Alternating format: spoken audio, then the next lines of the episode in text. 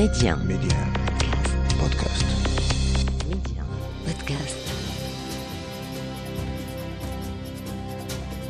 الداخلة يا حبيبتي ها أنا أسبح في بحرك وأتمشى فوق رمالك وأشم هواءك العابق بعطر الوطن الذي عدت إليه عزيزة شامخة كتبت هذه الكلمات في مقال مطول في العام 1979 نشر في جريدة الميثاق الوطني التي التحقت بها في بداية مشواري المهني في دنيا الصحافة عامين قبل ذلك عام 1977 بموازاة مع الاستمرار في دراسة الجامعة في العلوم السياسية والتي قادتني إلى آخر مراحل الدراسات العليا كما أشرت لذلك في حلقة سابقة تحدثت فيها عن يوم وصولي إلى الرباط عائدا نهائيا إلى أرض الوطن والالتحاق بجامعة محمد الخامس لدراسة العلوم السياسية.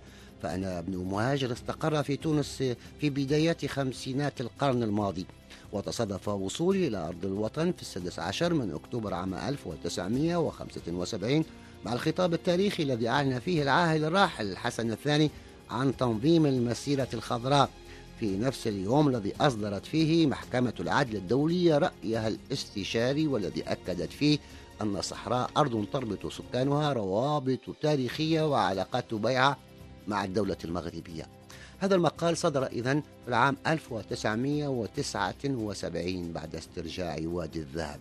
وكان المغرب وموريتانيا من جهة وإسبانيا من جهة أخرى وقعوا في الرابع عشر من نوفمبر أي بعد ثمانية أسابيع من انطلاق المسيرة الخضراء التي حققت بذلك أهدافها وقعوا على معاهدة مدريد التي نصت على تصفية الاستعمار في الصحراء الغربية ووضع حد للمسؤوليات والسلطات التي تتولاها إسبانيا في هذا الإقليم بصفتها الدولة المتصرفة.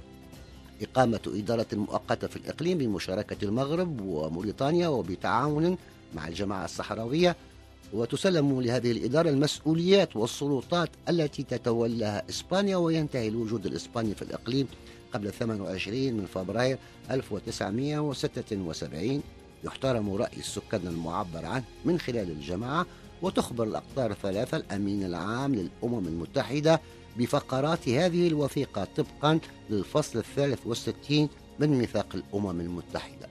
وفي الثامن والعشرين من فبراير انتهت مرحلة الاستعمار بالصحراء بإنزال العلم الإسباني من مبنى الحاكم العام بعاصمتها العيون. ليرتفع مكانه العلم المغربي إذن باستعادة المغرب لسيادته على أرضه. وتولت موريتانيا إدارة إقليم وادي الذهب وعاصمته الداخلة. لقد تبنى المغرب في استرجاعه لأراضيه المستعمرة سياسة التدرج وفي هذا الإطار جاء قبوله باتفاق مدريد ولم يعلن ولو مرة واحدة أنه مع تقسيم الصحراء رافضا قيام أي كيان ولو في جزء من الصحراء وترك الأمور تتطور على الأرض.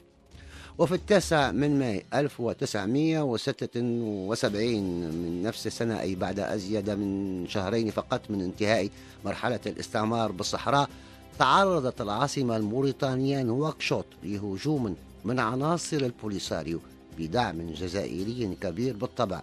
وفشل هذا الهجوم ولقي مؤسس البوليساريو مصطفى الوالي مصرعه.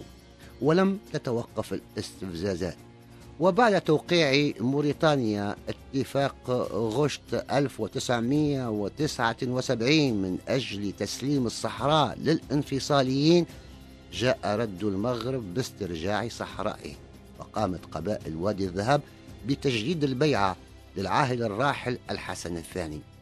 الذي قال في كتابه ذاكرة ملك كان جليا أنه لم يكن في مقدور الموريتانيين الحفاظ على الجزء الجنوبي من الصحراء وأنهم كانوا سيتخلون عنه ذات يوم.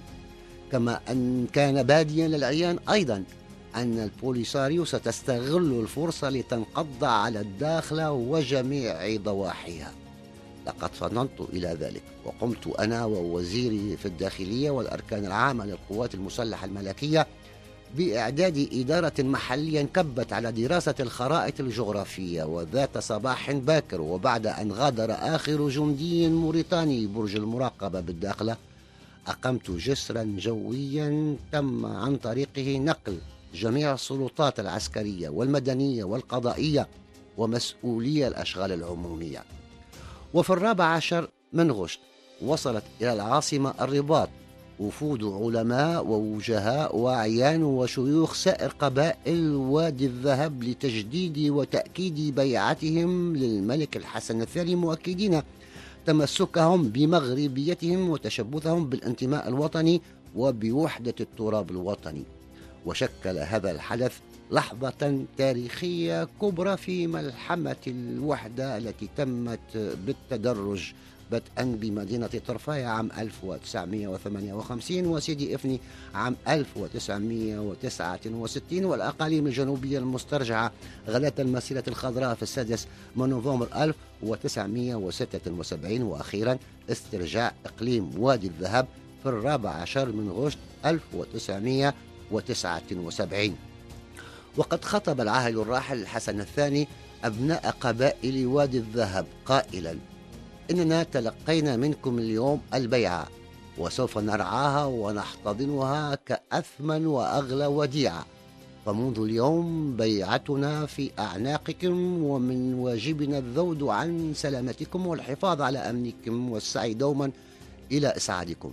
وأننا لنشكر الله سبحانه وتعالى أغلى شكر وأغزر حمد على أنه أتم نعمته علينا فألحق الجنوب بالشمال ووصل الرحم وربط الأواصر وما زاد في روعة هذا اللقاء التاريخي ودلالاته قيام الحسن الثاني بتوزيع السلاح على وفود القبائل في إشارة رمزية إلى استمرار الكفاح من أجل الدفاع عن الوحدة الترابية وعن استتباب الأمن والاستقرار بالأقاليم الجنوبية المسترجعة.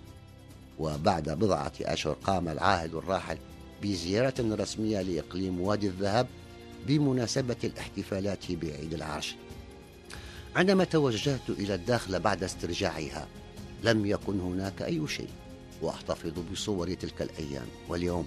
وبعد مرور 43 عاما على عودة هذا الإقليم إلى أرض الوطن يشهد تحولا عميقا وجذريا وتعيش الأقاليم الجنوبية منذ أزيد من أربعة عقود من تحريرها على وقع دينامية متواصلة في مختلف مجالات التنمية الشاملة والمتكاملة.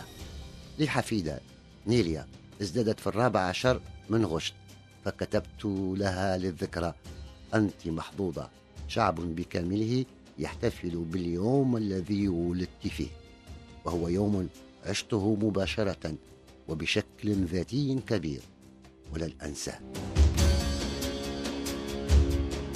وإلى لقاء قادم.